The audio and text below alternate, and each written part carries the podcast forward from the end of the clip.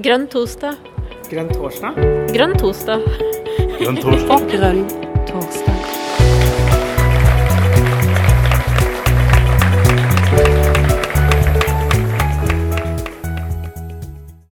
Da ønsker jeg velkommen til Grønn torsdag. Og i dag så har vi fått, eh, fått en av våre andre førstekandidater til å, å, å være gjest. Marius Dahlin. Og eh, velkommen til oss, Marius. Jo, mange takk. Takk. Um, og Jonas, du har jo vært med på å booke dette her møtet med Marius. Kan du, kan du si litt om problemstillingene som eh, Marius skal ta opp før han slipper til selv? Det kan jeg, vet du. Det er jo, først må Jeg si, det er jo, jeg vil jo si at vi, Nå kan man kalle det en serie med, med førstekandidater som vi har her på Grønn torsdag. Og denne gangen skal det handle om akuttberedskap, eh, lokalsykehus og den somati eh, somatiske spesialisthelsetjenesten. Eh, og det er jo et eh, Det er jo breie temaer du har valgt, eh, Marius. med å jeg gleder meg til å høre hva du har å si om disse tinga. Eh, lokalsykehus, det blir jo som re Det er jo mange som har meninger om. Eh, så jeg er spent på å høre hva du mener. Ja. Men før vi slipper til Marius. Eh, Jon, eh, det er noen greier med Sykehuset Innlandet også. Eh, kan det være noe relevans her, tror du? Jeg er litt usikker, men det, det er noen ja, Det er to fylker som ble tvangssammenslått her, og så skal man plassere én, to, tre, fire, eller hva man skal gjøre. Og kanskje legge ned noe Ja. Nei, jeg vet nesten ikke. Det er, hvis lokalavisene hadde vært dobbelt så store, så ville de allikevel vært fulle av lesebrev. Det er jeg helt sikker på. og, alle, og, Det som er mest interessant, da, det er jo at alle har rett ut fra sitt ståsted, og de mener det er objektive. Bor du i Elverum og mener noe, så er jo selvsagt Elverum verdens navle. Og bor du på Gjøvik, så er Gjøvik verdens navle. Og bor du i et helt annet sted, så ja. Nei, det er utrolig den eh, engasjementet. Og dette, dette, er noe som er viktig for folk. Så da regner jeg med at du som har vært, hvert fall vært på Gjøvik, Marius, har, eh, har eh, løsninga for oss. Så vi kan liksom legge den saken død og få litt miljø i valgkampen. takk. Vær så god, Marius. Jo, mange takk. Uh, ja, jeg har prøvd å finne en tittel her til meg sjøl. På den første hoveddelen av foredraget, akuttsykehus, hva bør vi ønske oss av spesial somatisk spesialisttjeneste, helsetjeneste? Det var nå et veldig stort tema. da. Jeg skal vel ikke si alt vi bør ønske oss her, men jeg skal i hvert fall komme med noen tanker rundt det. Dette er min arbeidsplass, Førde sentralsykehus. Jeg tenkte jeg skulle si litt om bakgrunnen min, for de fleste kjenner meg ikke så veldig godt her i hvert fall. Jeg er lege og hadde turnus på Gjøvik, som Jon var inne på. Der var jeg ett år, og så seinere var jeg først i distriktsturnus og jobbet litt som allmennpraktiker noen få måneder før jeg begynte på spesialistutdanningen. Først innom augefaget i Førde, og siden 98 så har jeg holdt på med generell kirurgi og etter hvert urologi, som er en grenspesialitet i generell kirurgi. Fra, helt fra begynnelsen av min kirurgiske karriere var jeg med som representant for underordnede leger i spesialitetskomiteen i generell kirurgi, og der var jeg med i tolv år, tror jeg. Til lenge etter at jeg var spesialist også. Og var til slutt leder av komiteen igjen i noen få år før jeg ga meg med det. Det var, det var en veldig det, det, som er litt artig med det, er at da fikk jeg sjansen til å reise rundt til godt over halvparten av alle akuttavdelinger i Norge. Og eh, få et godt inntrykk av hvordan sykehusene jobbet, også opp mot andre, andre deler av akuttvirksomheten.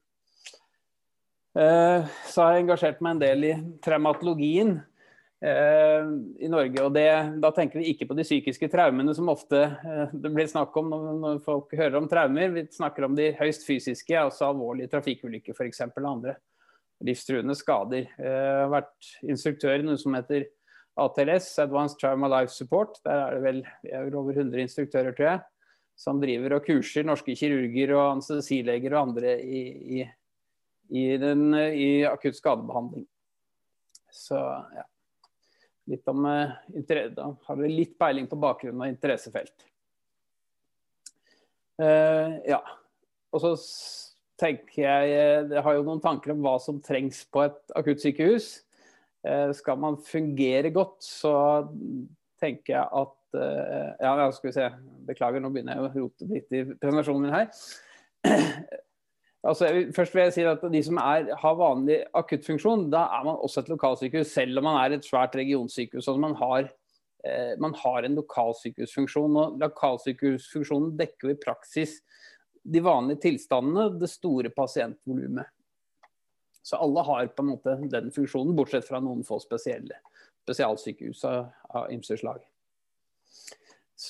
Og de, omtrent alle alvorlige akutte tilstander vil kunne primærbehandles av sykehus som dekker disse grunnleggende spesialitetene som jeg har satt opp her, med indremedisin, generell kirurgi, Eh, anestesi, anestesi fødselshjelp på kvinnesykdommer. Litt i parentes eh, ortopedi og psykiatri, som kanskje ikke er fullt så påkrevd, men veldig godt å ha med seg, selvfølgelig. Begge deler. Eh, så jeg, jeg er så heldig at jeg jobber i et sykehus hvor vi har de aller fleste eh, kliniske spesialitetene. En klinisk spesialitet, da snakker vi f.eks. Om, om min egen spesialitet, eh, generell kirurgi og urologi. Men, men, også om sånt som hudsykdommer og, og revmatologi og forskjellig. Det, det, det, de kliniske spesialitetene. Eh, og, og, mange av disse er egnet for også å kunne ha et tilbud ved et lokalsykehus. Jeg har fremhevet noen av de jeg tenker er kanskje spesielt egnet å ha ved et lokalsykehus, men som ikke nødvendigvis må være, må være der. Eh, Øre-nese-hals, eh, auge som det heter her, da, eller øye, øye osv. Revmatologi, Eh, nevrologi dette er også spesialiteter som kan være godt egnet å, å ha representert på et eh, lokalsykehus, men, eh, men som ikke, ikke, nødvendigvis er obligatorisk. Noen andre er veldig spesialisert, sånn som nevrokirurgi f.eks., som vi har bare på noen veldig få sykehus i Norge. Bergen, Oslo, Trondheim og Tromsø. Vel. Ja, det er vel litt, bitte litt i Stavanger. Eh, her er det kart over norske akuttsykehus henta fra eh, fra regjeringen.no. Ja, det er litt kjekt å se at jeg har vært på nesten på svært mange av de. Spesielt i Nord-Norge er det vel bare, bare i, i, på Stoppgangsneset i Gravdal jeg ikke har vært. Um, det er veldig ulike problemstillinger i ulike deler av landet. Hvis du ser F.eks. i Nord-Norge så kan man legge merke til at, at det er eh, ganske langt fra Bodø til disse tre Ser, ser dere pilen min, forresten? Ser, dere ser markøren? Ja. Disse tre sykehusene ligger egentlig ganske tett. Eh, vi var på de på ganske kort mellomrom. De såkalte Helgelandssykehuset med Mo i Rana, Mosjøen og Sandnessjøen. Så er det egentlig ganske langt og tøft over Saltfjellet opp til Bodø f.eks. Med, med, de utfordringene det innebærer. Her er det veldig lite pasientgrunnlag på, på, på, på tre sykehus. Så det lager mange muligheter for konflikter. Så tilsvarende er det veldig annerledes her, så, her nede i Sør-Norge med, med, egentlig gode, veldig gode eh, kommunikasjoner og tett mellom ganske store sykehus. Og er en helt annen type problemstilling, selvsagt. Uh, ja. Jeg har sakset litt fra regjeringen.no igjen. Her uh, sier at akuttsykehusene må ha et tilbud som ivaretar lokale behov og de vanligste akutte tilstandene. Uh, vel og bra. Eh, så sier de videre at alle akuttsykehus skal kunne behandle pasienter med f.eks. pustebesvær, hjertesykdommer og akutte infeksjoner. Alle akuttsykehus skal ha tilbud om planlagt kirurgi, beredskap for vurdering og stabilisering Skal jeg vent litt, Ja, vet litt, nå beklager jeg, nå tuller jeg her. Og håndtering av ja, Beklager. Beredskap for kirurgisk vurdering og stabilisering og håndtering av akutte hendelser. Eh, da begynner det å bli litt mer vanskelig, for eh, Men det skal vi komme tilbake til etterpå. De har nemlig mange sykehus som i realiteten ikke oppfyller dette kravet. Om at det skal For beredskap for kirurgisk vurdering og stabilisering, det prøver de å vedlikeholde noen steder, men hvor, de, hvor, dette ikke er noe reelt i det hele tatt. Kan, kan du si noe om hva som ligger i dette med kirurgisk vurdering og stabilisering? Ja, det kan jeg gjerne gjøre. Kirurgisk vurdering, det, det, i det ligger det jo på en måte å kunne gjøre en vurdering. Er dette noe akutt? Er dette noen som må gjøres noe med nå innen, første døgnet f.eks.? Ikke sant? hører det hjemme i hvilken av de kirurgiske spesialitetene osv.? Ha en grovdiagnostikk på dette her. Eh. Eh, det er noe som man bør kunne forvente av et kirurgisk sykehus. Eh, så skal man ikke nødvendigvis behandle det ferdig sjøl, men man skal kunne klare å diagnostisere det raskt nok og sende det videre hvis en ikke selv kan behandle det.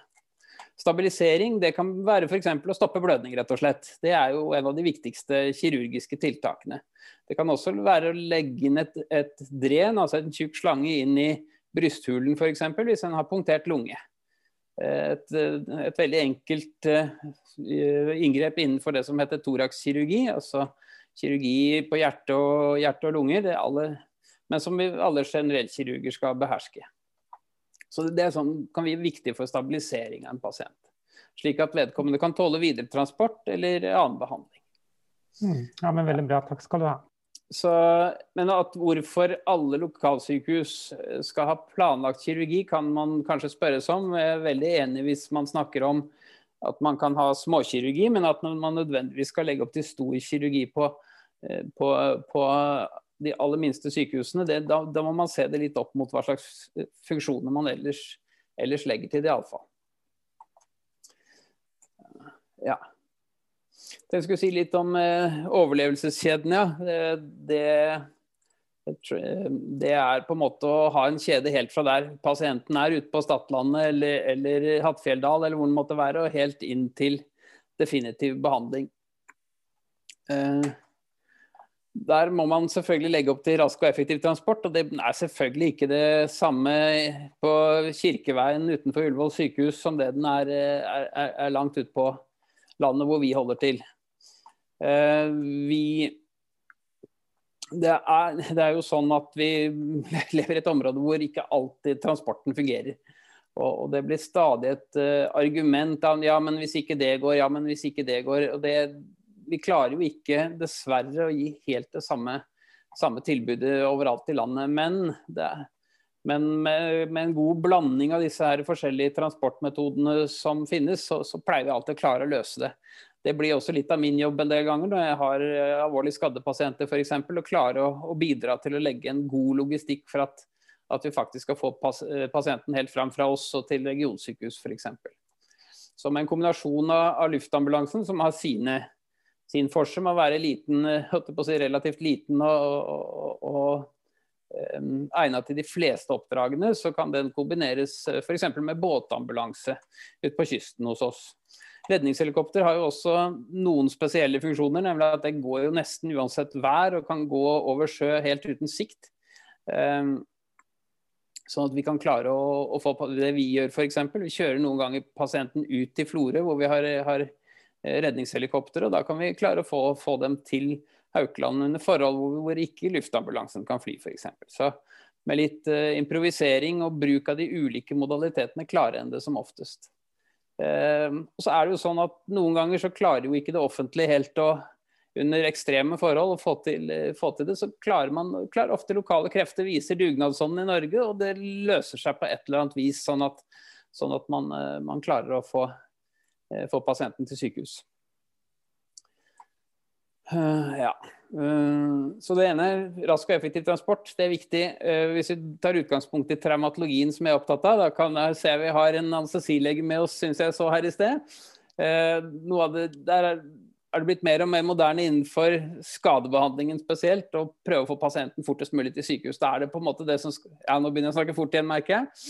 Eh, det som skal skje ute, er primært at, uh, å sørge for fri luftvei, for å si det litt enkelt. Uh, resten, som går på, på væskebehandling og eh, blodoverføring, stoppe blødning osv., det tar vi gjerne oss av inne på sykehuset. Så er, det, så er det noe av det jeg er mest redd for, det er å bli en pasientfelle. Der hvor jeg, hvis ikke jeg kan hvis det er utenfor mitt kompetanseområde, så må ikke pasienten bli værende hos meg. Jeg må gjøre det jeg kan, stabilisere så godt som mulig, stoppe blødninger jeg kan stoppe.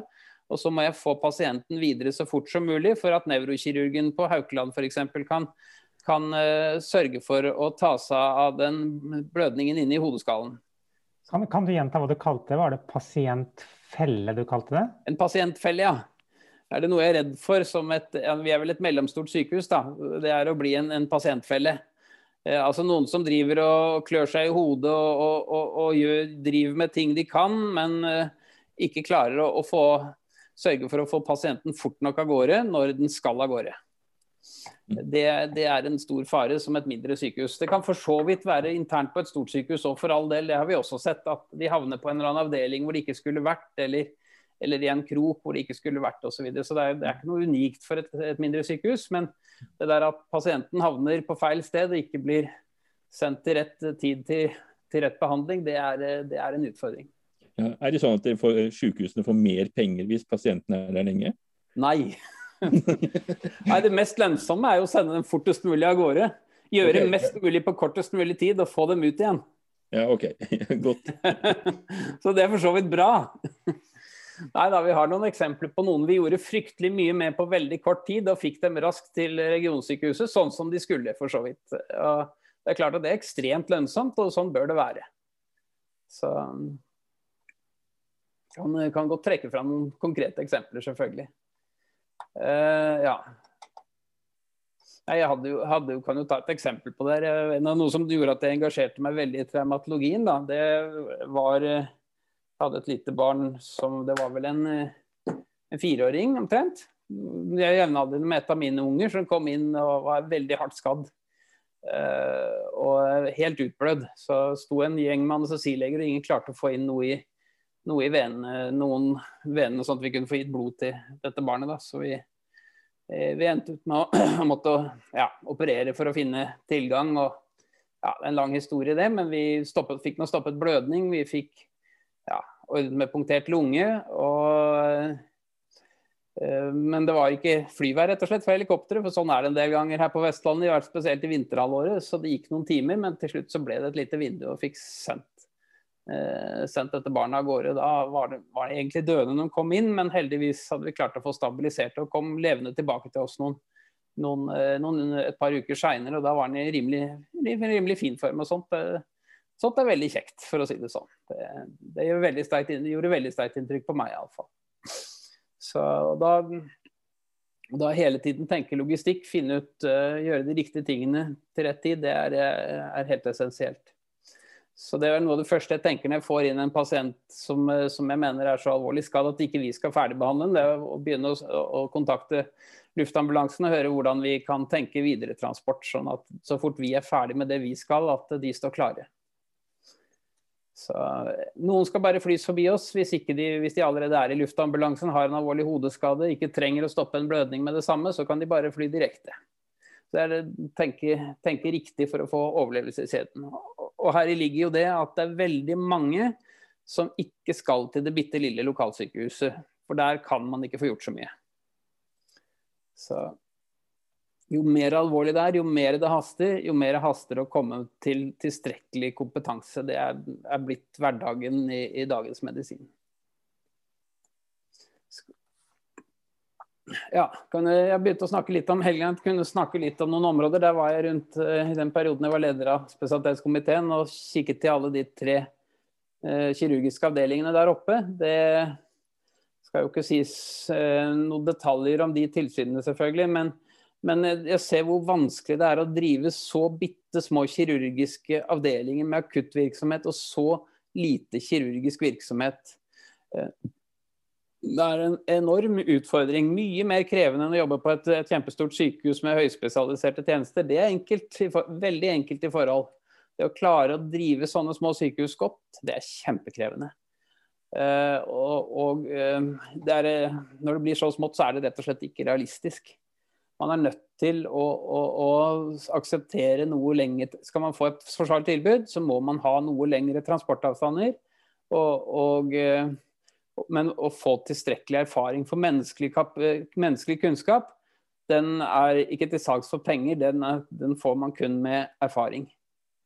Eh, den får en ikke når det blir, blir for smått, rett og slett. Det er en, det er en nedre grense, altså.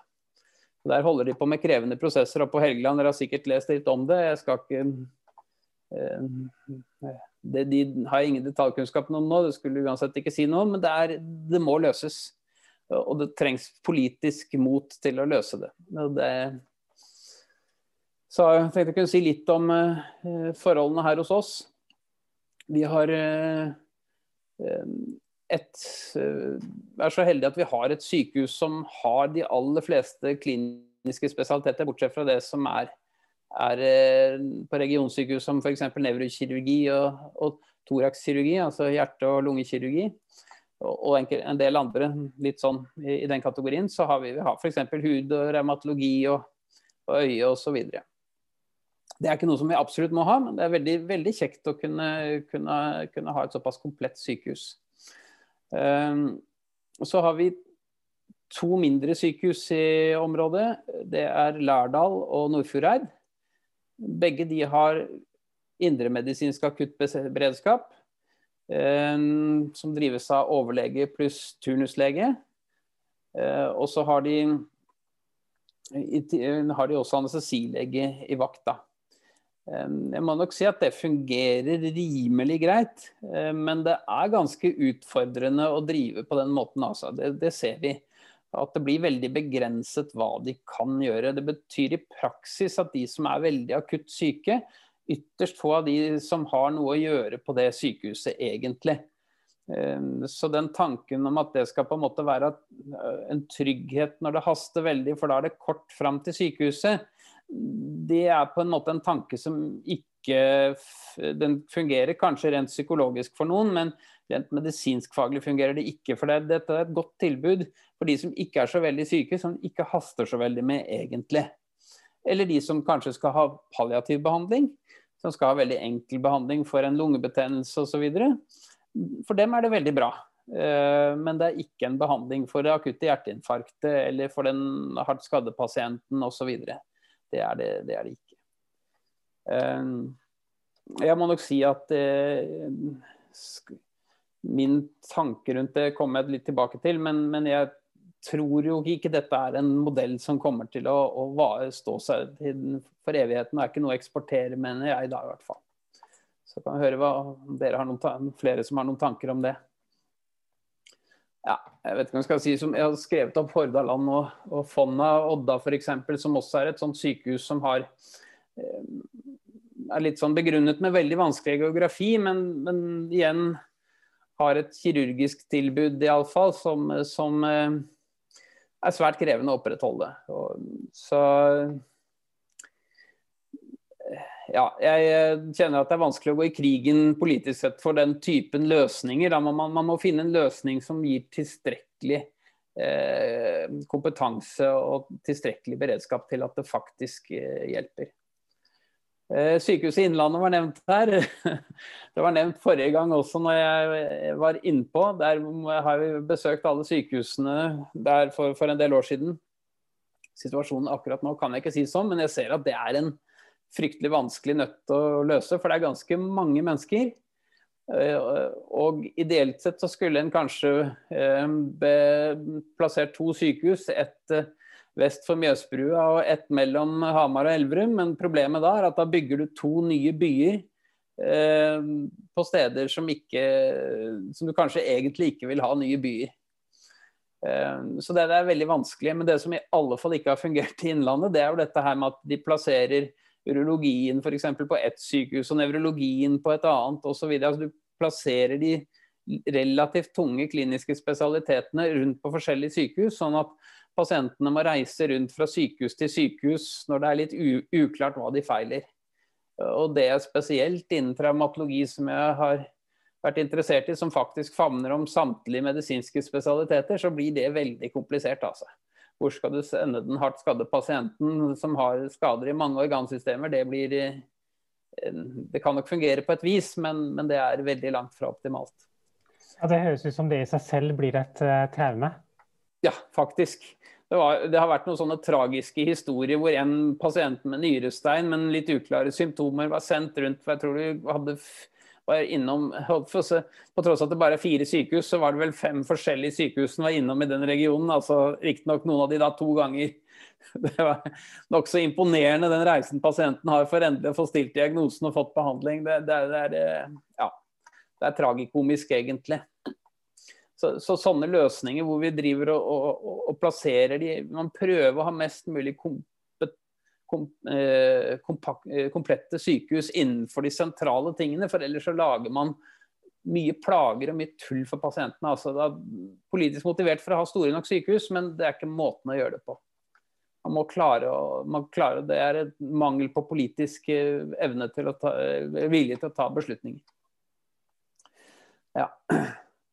Ja, Oslo også har litt av dette, men der er jo nok ikke problemet like stort. Men at de plasserer vel karkirurgi og urologi på Aker, mens de har, har traumene på Ullevål. Det er også litt sånn originalt. De har, har, noen hybridløsninger for å prøve å løse det. Men igjen, det der å tro at du skal dele ut for å lage store fagmiljøer, det har begrenset verdi, for å si det slik. Det har mange, mange utfordringer. Se, nå går vel tiden. Se ser tida, hvor mye tid jeg har brukt her. Jeg bruker opp all tida. Det må være litt igjen til diskusjonen her òg. Ehm, som sagt, akuttjenester som tilbys midt i Oslo, det kan ikke være like tilgjengelig på Stad eller på Finnmarksvidda. Dessverre. Jeg skulle jo ønske det, at alle fikk akkurat det samme tilbudet. Målsettingen er å nærme seg det så langt som mulig, selvsagt. Det bør det være. Men vi bare, må bare innse at helt dit kommer vi aldri. Eh, men det befolkningen trenger så nær som mulig, eh, men ikke, nær, ikke nær, heller ikke nærmere. Eh, det er at man kan få en akutt vurdering og få avklaring. Hva er det pasienten faktisk trenger? Trenger den det helt store, eller, eller kan den klare seg med det enkle lokalt? Og så trenger den stabilisering for å kunne komme seg levende fram dit den kan få definitiv behandling hvis det er nødvendig. Så er det dette med pasientfelle igjen. Rask overflytting, men ikke kan ferdigbehandle. Det må vi som ikke alltid kan ferdigbehandle, vi må ha det i fokus hele tiden. Eh, ja. ja. Direktetransport har jeg også snakket om. Få den, pasienten direkte der det ikke er nødvendig å stabilisere, eller man ikke har nok kompetanse til å kunne gjøre det. Eh, men det som det er lite fokus på skal vi se, Beklager, nå tuller jeg her som det burde vært mye mer fokus på, etter min mening, det er at man bør ha kort avstand til det en trenger ofte. Og hva er det en trenger ofte? Det er gjerne de polikliniske tjenestene, det som egentlig ikke haster så veldig. Eh, det kan jo være akutte skader eller, eller banale sykdommer eller sånne ting som trenger noe eh, som man kanskje har litt oftere. Men, men også helt sånne elektive ting, altså planlagt virksomhet, eh, plager en har, ulike sykdommer, eller kontroller for mer alvorlige sykdommer f.eks. Det bør en ha nær. Uh, det er mye lettere å drive og mye viktigere, fordi det, det, betyr mye mindre transport pasienttransport. Så det bør det være fokus på på de, de små sykehusene. Og da gjerne ha et ganske godt repertoar av spesialiteter. Uh, ja. ja. Det meste har jeg vel vært gjennom her, ja. Dette med å unngå transport mellom sykehus fordi man ikke har kom komplette nok sykehus, det må vi prøve å, eh, prøve å unngå. Ikke lage den typen politikk à la Innlandet. Ja. ja. Hva har vi sagt det meste her? Et godt lokalsykehus har polikliniske tjenester innen de fleste kliniske spesialiteter. Eh, også på det lille eller mellomstore eh, akuttsykehuset. Eh, radiologitjenester, altså røntgen, gjerne CT, kanskje MR. Eh, og blodprøvetaking og sånt. noe. det er jo fint også å kunne ha lokalt. Eh, jeg har nok gjort meg noen tanker om at de aller minste sykehusene våre kanskje burde vært gjort om til det som heter CAD på medisinsk fremmedspråk, holdt jeg på å si. Kommunal akuttdøgn, altså en litt sånn utvidet legevaktfunksjon. Hvor man har akuttsenger som i prinsippet er kommunale, men da med tilsyn av legevakta. Men, så, men som kan ha dagtilsyn av, av eh, spesialister innen, innen, andre deler av somatiske eh, tjenesten. Ja. jeg tenker det er en mer, bedre modell enn den vi har i Sogn og Fjordane per i dag, som gir et slags skinn av å være et, et, eh, et skikkelig akuttsykehus, men ikke helt fungerer sånn. Men de vet sin begrensning nå, altså for all del. Men, men eh, det, kanskje da blir det mer i samsvar med det som er det reelle innholdet, og, og veldig mye rimeligere å drive. Så de noe større bør ha full kirurgisk, gynekologisk og indremedisinsk beredskap. Så det tror jeg man skal være ganske klar på, at man, man kan tilby et rimelig komplett eh, tilbud der. De mest ressurskrevende tingene kan selvsagt, må selvsagt sentraliseres. Yes. Da tror jeg jeg hadde det meste om Skal vi se Nå vil den ikke videre her. Nå er det et eller annet som har skåret seg. Jo, der kom den. Så tenkte jeg å bytte tema. Jeg vet ikke om noen, vi, vi, kan diskutere det litt først, kanskje. Skal vi se, Er det noen som har noe Her er det nok noen som har lyst til å mene noe. Ja. Være frampå. Aller først så tror jeg at Jonas har sittet og grubla og klødd seg i skjegget på, på en ting. Mm.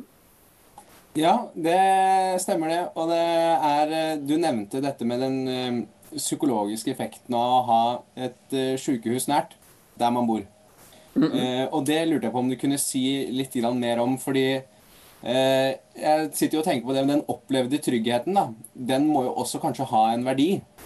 sånn at jeg ser jo den at fra ditt perspektiv og fra det som jobber med veldig alvorlig skada pasienter, så ser man jo man ser jo kanskje mange skjebner da, som gjør at man inntar det standpunktet man gjør. Og så lurer jeg litt på eh, Har du noen tanker om hvordan, man, hvordan skal man vekte det med, med, den opplevde tryggheten? Er den verdt noe som sett opp mot eh, den faktiske tryggheten da, som man eh, kan få ved å ha eh, tjenestene på et, på et, større sykehus? Har du noen tanker om det? Ja, det er for så vidt et veldig godt spørsmål så jeg er veldig usikker på litt av premissene til spørsmålet. Er den opplevde tryggheten så stor eh, lokalt, eller er det noe vi først og fremst ser i lokalavisenes spalter? Det er jeg litt usikker på. Eh, for jeg registrerer at det er nok litt sånn delt. Noen opplever nok det som trygt og godt og fint å ha det der, og det vet, mm, dette gir meg sikkert det jeg trenger, men det er åpenbart ganske mange som ikke opplever det sånn også. Eh, så, så, det er vel det ene. Eh, jeg er enig begge, begge deler har nok verdi. Jeg tenker at det er kanskje riktigere å si at vi har faktisk en, en god behandlingskjede. At vi får den beste behandlingskjeden med å, å si at de aller minste Realiteten der er at der får du ikke den, den behandlingen som virkelig haster mest. Den får du andre steder det ser jo folk etter hvert også. At, at, får du hjerteinfarktet ditt, så skal du forbi oss også, rett i Haukeland. ikke sant? Og, eh, og, og, og blir du alvorlig skadd og ikke kan fly, så, så, så går det via Førde. Og så, og så, gjør vi det vi må, og så sender vi videre hvis det er nødvendig. ikke sant? Så, så folk ser jo dette her. Eh, så jeg vet ikke hvor mye som er igjen av den tryggheten. Jeg er veldig usikker på det. Eh, det gode, jeg vet ikke om du har sett noen gode undersøkelser på det. Da, så, så de her avisene som er overfylt med diverse standpunkter Jeg skal ikke ta de helt alvorlig, altså alle disse lesebrevene. Det var godt å høre. Men Birgitte kanskje har noe mer å si? Ja, helt sikkert. Ja, jeg, kan, jeg skal si veldig litt kort om meg selv først. Jeg heter Birgitte, jeg er fylkesleder i Viken. Men jeg har bodd 16 år i Nord-Norge og jobbet i luftambulansetjenesten der. Eh, og jeg har vært på alle de små sykehusene Helgelandskysten og eh, Troms og Finnmark. Um, og jeg var dessuten leder for spesialitetskomiteen i anestesiologi da Marius første gang ledet spesialitetskomiteen i kirurgi, så vi har møtt hverandre i den sammenhengen også. Og Det er kjempestas å møtes igjen i MDG-sammenheng, og vi har laget forslag Eh, endringsforslag til program sammen, og det har vært veldig veldig stas. Um, jeg er langt på vei veldig enig med deg, Marius. Og så har jo du et kirurgperspektiv. Um, så for å svare på det aller siste uh, litt først, så er det en del indremedisinske tilstander er vanligere enn kirurgiske. Det vil si at man får lungebetennelser og av og til blodforgiftninger og sånn. Uh, og det kan veldig ofte i det minste så kan man starte behandling på et lite sykehus. Det er liksom å få inn kanskje en venekanyle og starte med intravenøs antibiotika før man transporterer. Og Det kan være ganske kritisk f.eks. ved hjernehinnebetennelser og en del sånne type ting. Og så er det litt annerledes med kirurgi. Og så er det eh, Jeg har et par kommentarer, da. Og det er at den den, det kartet du viste, det viser et veldig flatt Norge. Og Da kan man bli litt lurt når sykehusene ligger tett. Men hvis det er store fjelloverganger eller dype fjorder eh, mellom, uten bro eller tunnel, så er plutselig reiseavstanden veldig mye lenger enn det det ser ut til. Og Så kommer dette med været. da. Så Jeg har jo ikke sant, vært på helikopterbasen i Brønnøysund, og da er det jo ikke så veldig langt til Sandnessjøen akkurat. Men når fly ikke kan fly, og det er fjord imellom, så er det kjempekrevende. Og også at det mellom Sandnessjøen og Mo i Rana og Mosjøen sykehus ikke er mulig å kjøre bil, og heller ikke fly, fordi været er for dårlig og veiene er stengt. Og Da sitter man der på telefon og prøver å veilede i akuttmedisin, og så må de klare seg med det de har, der de er. Og Det er, det er særlig på vinterstid, og det er særlig i Nord-Norge. Og så er det jo sånn at Man bør egentlig ha et befolkningsgrunnlag på over 70 000 for å skulle kunne drifte et lite sykehus bra med vedlikehold av fagkunnskap. Og Sånn er det jo ikke i Finnmark. Men der er jo avstandene så store, og været er sånn at man må ha lokalsykehus ett i øst og ett i vest. Selv om befolkningsgrunnlaget egentlig er for lite til at man skal kunne opprettholde og vedlikeholde fagkunnskap. Og det gjelder nok noen andre steder også. Og der er det viktig at eh, staten Norge har gode ordninger for hospitering og vedlikehold av kunnskap. fordi du får jo bare den erfaringen du får med de få menneskene som kommer innom. Og etter hvert så vil det kunne bli litt lite. Så det å ha levende fagmiljøer i et land med veldig spredt befolkning og store avstander og krevende klima og logistikk, det gjør at man må ha noen sånne backup-systemer. da, Hvor man får dra på kurs og hospitere forskjellige steder. Og kanskje sånn, jobbe, jobbe på litt forskjellige steder. Så det er noen sånne det er noen sånne utfordringer som gjør at det blir litt spesielt. og I Finnmark for eksempel, så burde jo kanskje egentlig det ene sykehuset ligge i Alta, men nå ligger det i Hammerfest. Og Fra Hammerfest så er det én vei til Alta, mens Alta har liksom muligheter til å reise flere retninger hvis folk der blir syke. Og så er det et lite poeng til, og det er at Lokalsykehus er ofte hjørnesteinsbedrifter i de samfunnene de har ligget i i veldig lang tid. Og det betyr at Hvis man tar ned et lokalsykehus, så raserer man et helt samfunn. For du fjerner hjørnesteinsbedriften der, med de konsekvensene det har for folkehelse og mentalhelse osv. Og det er jo ikke gitt at hvis du tar bort et sykehus på Innlandet, så flytter alle som jobber der til det nye, store, fine sykehuset. For da vil kanskje mange søke seg til helt andre steder. Og Du kan rive ned et fagmiljø på de få ukene det tar å flytte, og så kan du bruke ti år på å bygge det opp igjen. Og Da kan man spørre seg om kvaliteten på helsetjenestene pasientene faktisk får i, i det mellomrommet der. Da. Så det er det er eh, utfordringer, og fagmiljøene må være attraktive for at man skal klare å rekruttere helsepersonell. og Det gjelder både leger og sykepleiere i et land med spredt befolkning. og Man kan ikke ha et sykehus på hvert nes. Så det er, det er mange sånne ulike hindre som, eh, som organiseringen av spesialisthelsetjenesten i Norge faktisk må klare. og De er det viktig at vi er klar over. da, eh, Og har gode løsninger. og Huske at Norge er veldig langt og veldig, veldig forskjellig. Uh, og er, uh, hvis, du, hvis, man flyr over, så er det fryktelig rynkete også. Um, så det er Vi har utfordringer, ja. Og da er det kjempekult at vi kan ha sånne grønne torsdager som dette og snakke om de fra ulike perspektiver. Takk. Takk for det, Birgitte. Marius, ønsker du å kommentere før du går videre med helsejournal? Ja, det er kjekt å kommentere litt. Jeg er enig i veldig mye av det Birgitte sier. Det aller meste for så vidt. Sånn som Finnmark, jeg er helt enig. Jeg vet veldig godt om de sykehusene der oppe også. Eh, jeg er helt enig også at det burde ideelt sett ligge til Alta, det i Vest-Finnmark. Eh, klart det kan ikke være Jeg har vært i militæret der, jeg har vært og besøkt sykehusene osv. Klart det, det er nesten umulig å tenke seg det uten så er jeg nok ikke like enig på Helgeland at det må være tre sykehus der. Nå sa vel ikke eh, Birgitte det direkte heller, men, men eh, Nei da. Men eh, og, og, som, nei, nei, det er godt å høre. For, og, og, Man trenger kanskje ikke et fyllverdig sykehus for, å, for at luftambulanselegen kan stoppe for å få lagt inn en inflon. og Det kan også en, en allmennlege gjøre på en, en forsterket, en, en, litt sterkere eh, CAD, for å si det sånn. Så Det er veldig ressurskrevende å ha anestesileger gående på Eid og, og i Lærdal som egentlig nesten ikke gjør noe. Eh, annet enn å skulle være beredskap for indremedisinerne. Så, så det, er, det, er, å forbruke veldig mye kunnskap, rett og slett. Så, så jeg tror ikke det nødvendigvis er løsningen. Betyr ikke, men det betyr ikke at ikke det skal finnes pasientsenger. Det betyr ikke at ikke det skal være et sted hvor man kan få noe eh, intravenøs eh, antibiotika for eh, og sånt noe. Altså, Hørte jeg rett nå, Marius, klarte du å definere dette som overforbruk av eh, anestesilegeressurser? Det var eh, interessant vri.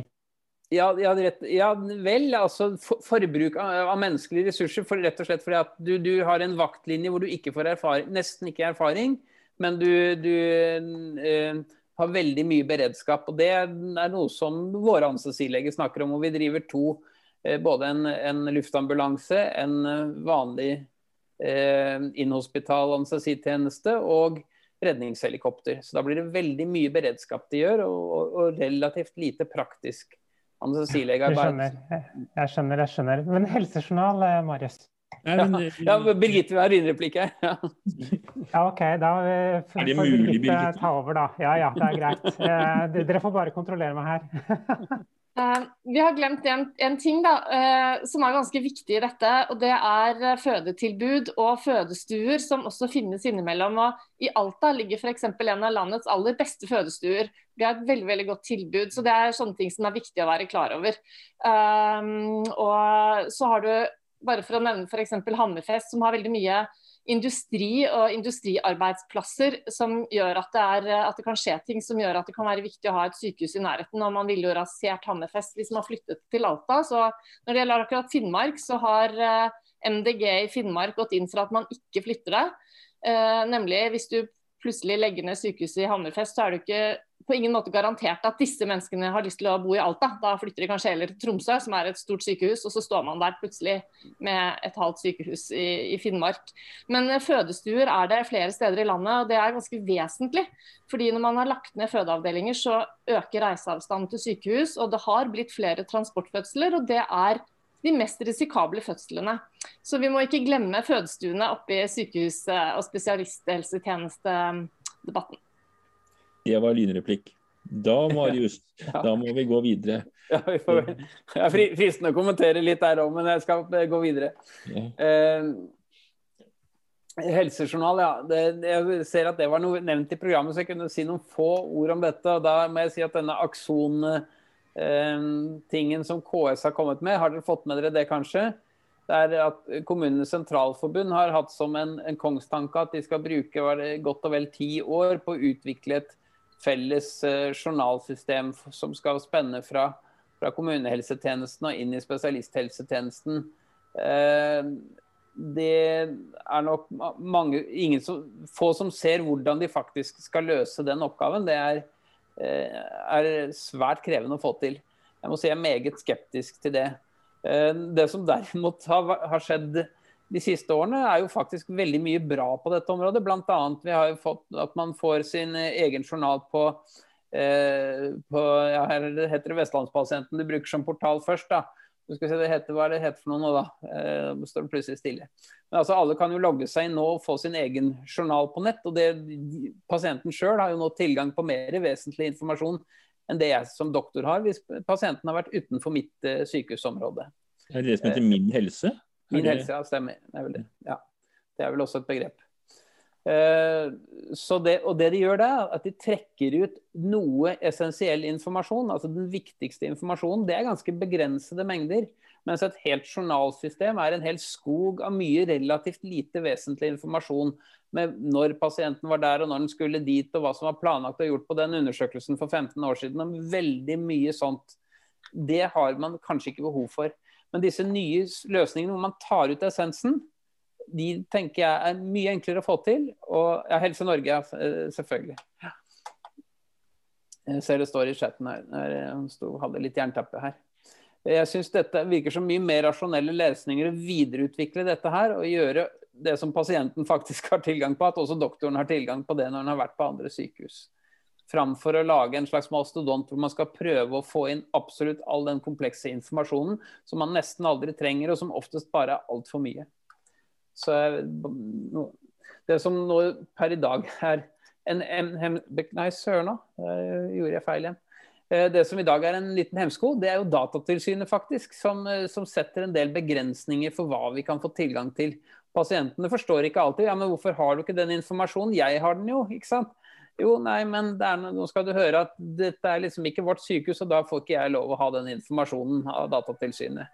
Det er ganske uforståelig for veldig mange pasienter. Så, så, jeg tenker vi må gjøre et eller annet med personvernlovgivningen, sånn at den blir mer i, i tråd med Det er et eller annet som ringer her. Det, ja. Eh, litt mer i tråd med folks rettsoppfatning av hvordan ting bør være, framfor at det er mer litt sånn regelstyrte tanker i Datatilsynet. At den som behandler meg, vil jeg også skal ha informasjonen om meg. Det er logisk for 99,9% av alle pasientene. Har jeg gitt den tilliten, så vil jeg også at de skal ha nødvendig informasjon. Eh, men, men, er det så enkelt som det, Marius? Eh, jeg tenker eh, det er jo ganske store muligheter for lekkasje av informasjon i et slikt type system. Så det er jo et poeng her, er det ikke det? Ja, er det egentlig det? Fordi at for de pasientene, spesielt i Sogn og Fjordane, så er det jo stort sett bare på vårt sykehus veldig mange. Har, jeg har tilgang på all verdens informasjon om de pasientene. Men i det øyeblikket de har gjort et eller annet som ikke er det minste mer følsomt enn alt det andre som ligger der på et annet sykehus, nei, da har jeg ikke tilgang på det. Eh, hvorfor er det så mye farligere å ha tilgang på akkurat det lille journalbiten? Fordi at de tilfeldigvis var på besøk i Hamar eh, akkurat den påsken, eh, påsken, i år, og så ble de syke. Altså, Hvorfor er det så mye farligere enn alt den enorme informasjonen jeg har om hele livet deres liggende i den journalen jeg har foran meg? det, er noe, det er ikke noen logikk i det at dette har noe med det måtte jo ha noe med hva slags type informasjon det var, da, eller hva slags mengde informasjon det var, eller hvor gammel den var, eller om det var noe med spesialitet. Men er, her er det definert av akkurat hvilket sykehus du var på den dagen. Det virker, det virker ikke logisk for meg, det, og du kan ikke skjønne at det har noe med personvern å gjøre, egentlig. Men er ikke det her, Marius, da et, egentlig et, et spørsmål mer om, altså om datalagring? Altså hvordan, hvor oppbevarer vi disse opplysningene? Fordi det gir jo ikke noe mening å sette geografiske begrensninger på, på akkurat det her. Det, er, det, det, det, var jeg ikke klar over at det var sånn det var. Eh, det høres ganske absurd ut. Men det er jo klart at eh, om vi vil lagre journalopplysninger på datasenter i, til andre andre land med risikoen det medfører, det, det blir jo noe annet igjen. Ja, så, fokus her, ja. så fokuset her må jo være på hvor, eh, hvordan lagres disse dataene. Hvis man kan gjøre det på en sikker måte, så kan man jo det uavhengig av hvor, eh, hvilket sykehus man er. tenker jeg. Ja, ja, Sikker datalagring er jo et, et viktig aspekt her, selvfølgelig, men det, det, er litt på siden av akkurat den biten. Eh, og så er det ja. Ja. Birgitte, vi hadde kommentar på Ser det ut som? Altså, jeg, er veldig enig med Marius. Eh, og Det kan være sånn for at eh, jeg skal forberede en anestesi, og så har en pasient vært et eh, altså Det er fritt behandlingsvalg i Norge, da, så vi kan jo få mennesker fra Nord-Norge og Vestlandet til eh, Moss sykehus, som jeg jobber på, eh, som skal ha en operasjon. Eh, og Da har jeg f.eks. ikke tilgang på ultralydundersøkelse av hjertet. Så må jeg bruke masse tid på å finne ut hvilket sykehus er det du er, eller ikke nødvendigvis der hvor du bor, men hvilket sykehus var det du fikk gjort den undersøkelsen på? Og så må jeg ringe dit, og så må jeg fortelle hvem jeg er. Og så må jeg få en lege der til å gå inn i journalen til pasienten og lese det opp. Så jeg får jo informasjonen hvis jeg trenger den ved å ringe rundt. Men det tar jo vanvittig mye tid, og det er tid som stjeles av mine pasienter. Eh, og en annen ting som er utfordringen med Akson, det er at det er liksom Sånn som det er nå, så er det jo det vi virkelig trenger, det er kanskje også å få en sammenkobling av informasjonen fra primærhelsetjenesten til spesialisthelsetjenesten. For det er allmennlegene som vet hvilke medisiner står pasientene på, når økte de dosen sist. Og det har vi jo ikke alltid tilgang på. Uh, og Det er litt verre å få tak i på ettermiddags- og kveldstid. fordi Fastlegekontorene er ikke bemannet da når vi plutselig står der med en dårlig pasient og virkelig trenger opplysninger. Så Konsekvensen av at vi ikke har tilgang, det er at en del ganger så må vi behandle uten å vite svaret på altså Det finnes et svar, men vi har ikke tilgang til det. Og Da må vi behandle uten å ha kunnskap, og fasiten får vi først etterpå. Og i, i sånne tider som nå, så burde det virkelig ikke være et problem. Og det er jo altså ikke helsepersonell som lekker opplysninger. Det er eh, systemene som lekker opplysninger til helt andre steder i verden. Så det er jo der problemet egentlig ligger. Ikke, ikke vi som jobber i helsevesenet. Takk. Det kan nok være vi av og til er et problem, men det er jo ikke den, det er i alle fall ikke denne typen sperrer som hindrer oss i å lekke opplysninger, for å si det slik. Det, det er helt andre ting som, som gjør det. Eh, nå har jeg... vi, vi har et spørsmål også fra ja. Hanne. Ja, takk. Um, um, mulig at um, Birgitte svarte på det ja, rett etter at jeg stilte spørsmål. Men uh, det, alle legekontorer og sykehus de har anledning til å sende journaler frem og tilbake mellom seg på e-post, eller er det bare på telefon? Jeg har akkurat tatt en, har en syk katt, og da har jeg brukt forskjellige veterinærer og sånn, og da er det journal hit og journal dit og e-poster en masse. da. Men er det begrensninger på hvordan eh, sånn informasjon eh, kan overleveres? Mm. Takk. Ja, det er ikke lov å sende på e-post. Det er ikke tillatt, nei. Så, så må nok innrømme at vi sender litt bilder på SMS-er og sånt noe til dels. Så eh, jeg har jo en sær spesialitet hvor jeg av og til ber om penisbilder, faktisk. Det høres jo ikke helt bra ut, men eh, det er, sånne interesser har vi innenfor mitt fagområde, da. Så, så det blir jo av og til litt morsomt, nesten. Men, eh, men vi prøver jo å behandle det så diskré som overhodet mulig. Det er ikke helt lovlig, men vi trenger det for journalen i noen sammenhenger. Så det. Er det sånn at du får på kvelden og sånn, eller åssen er det? Forhåpentligvis ikke så mye av det. Så, ja. Mm, nei, det, det, er jo elektronisk Ja, det står ikke sant, i, vi har noen elektroniske løsninger for å sende mellom, eh, mellom fastlegger og, og, oss, altså. Men, eh, men det, det, å sende hele journalen, det er det ikke gode løsninger på per i dag. Altså. Eller sende gammel journal. Da må du lage, kopiere det over et nytt dokument. Sånn det er litt dillete. Ja. Du hadde en side til? Du begynner å få ja, da, jeg, det, jeg begynner å få dårlig tid nå. Jeg tenkte jeg skulle snakke både om abort og dødshjelp og palliasjon. Jeg, det, det er Birgitte og mine favorittemner her, vet du. Eh, vi, Birgitte, jeg har jo nettopp laget et, eh, eh, et forslag til endringer i programmet. For vi var ikke veldig happy med at den foreslår utredning av aktiv dødshjelp. Og det er mange grunner til det. Den ene grunnen er at vi mener at dette er en debatt vi ikke er tjent med å ha i valgkampen. Det er veldig kontroversielt internt. Det er kontroversielt blant våre potensielle velgere. Eh, det å la være å foreslå det, det er vanskelig å se at vi taper velgere på det. Så det er en sånn velgertaktiske biten. Eh, så er det den rent medisinske biten, at både Birgitte og jeg er veldig enige om at dette med lindring, det er underutnyttet. Eh, lindring er alltid mulig. Det er ikke alltid vi finner den ideelle løsningen. Av og til er den ikke så, god, ikke så veldig god, kanskje. men men hvis det blir ille nok, så finnes det alltid eh, en, eh, et mulig alternativ. F.eks. nevnt nedi her at som, som, terminal sedering hvis man er helt på slutten av livet, altså at man rett og slett legges i søvn til man dør, i ytterste konsekvens. Det kan være en epidural, amputasjoner for enkelte tilstander kan være aktuelt osv. Det finnes, finnes løsninger for det aller meste, selv om de ikke er ideelle for alle, dessverre. Jeg ser en langt større utfordring at mennesker på slutten av livet med veldig som har kommet med veldig langtkommende lidelser, store plager. Det er vanskelig både for pårørende og helsepersonell å avslutte livsforlengende behandling og, og tiltak ved akutt sykdom som vil forlenge livet. Får de en nyrebekkenbetennelse, en lungebetennelse, så er det lett å gi antibiotika selv om pasientene ønsker å dø. Eh, det er det, Og så spør man kanskje når de har kommet seg gjennom lungebetennelsen ja, men han vil ikke leve lenger, kan, kan ikke bare få en sprøyte. Dette, dette, er en måte, Da blir det på en måte litt feil å, å, å, ikke bruke de mulighetene man har når man er på slutten av livet til å kunne få lov å dø en naturlig død. Det går an å lindre om man får en lungebetennelse med morfin og med Paracet f.eks. Og, og få en rolig avslutning på det.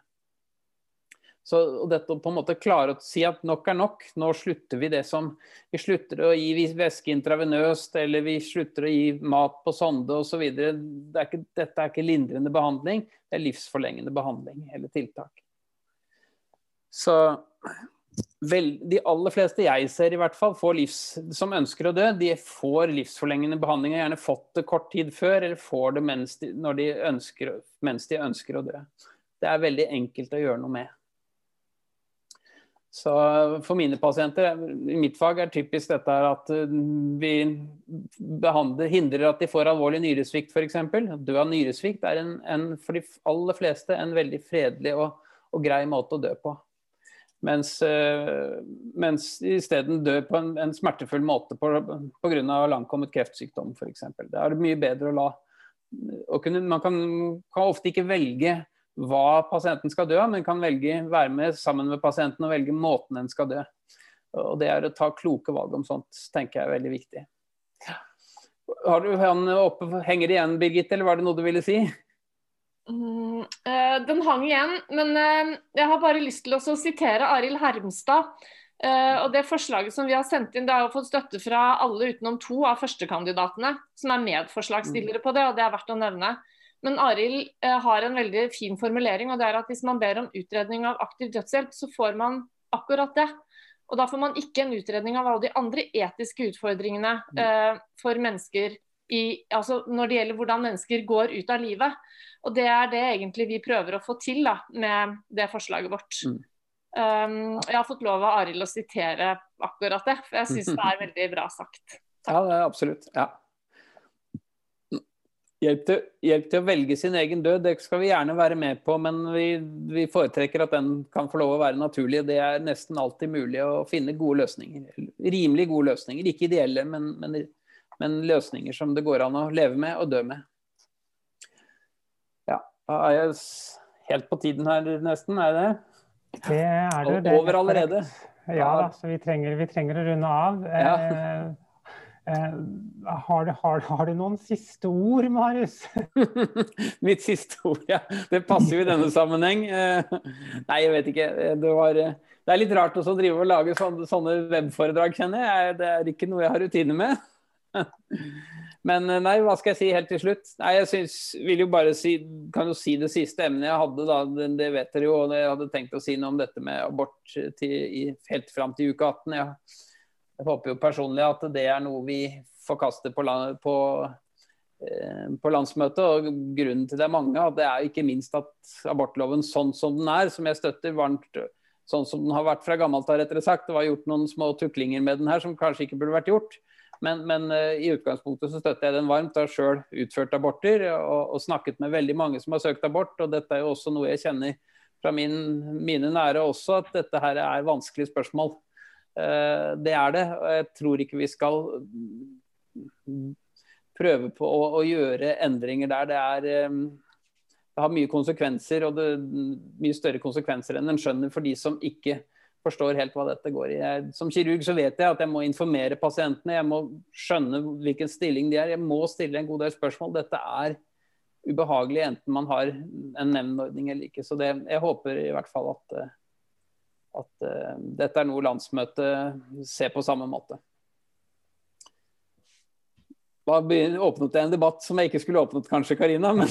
Nei, da må vi bare slutte. ja, Vi får la det stå som et åpent uh, spørsmål. Du, du, du, kom med en oppfordring til, eh, til, landsmøtets holdning til det. Så får vi se hva som skjer på mm. landsmøtet. Mm. Det er det bare tiden som vil vise.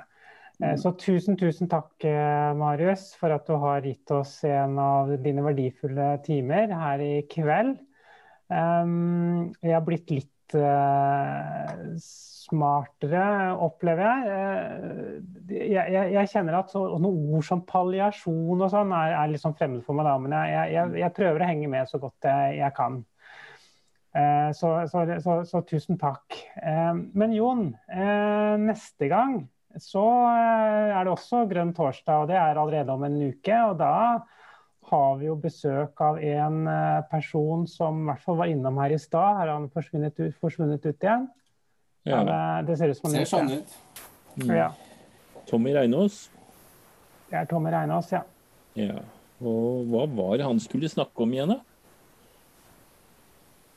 Jeg lurer på om opp, oppdrettsanlegg det... Sikkert noe laks. Ja, helt ja. sikkert noe laks. Engasjerer en sterkt. Mm. Tommy er jo en glad laks, er han ikke det? jo, det må han kunne si. Eh, I motsetning til sleip ål, eller åssen var dette? ja. det kommer til å bli veldig artig, det er jeg helt sikker på, eh, når Tommy legger ut om, om, om lakseoppdrett. Um, For Tom, Tommy er jo da eh, toppkandidat i Nord-Trøndelag. Det er derfor han kommer, og han har valgt dette temaet sjøl. Mm. Førstekandidatserien fortsetter med uforminska styrke. Mm. Det gjør den, så inntil da så får dere ha en riktig fin eh, uke og helg, helg når det kommer så langt. Det er kaldt ute, folkens, eh, så det er kle dere godt når dere går ute.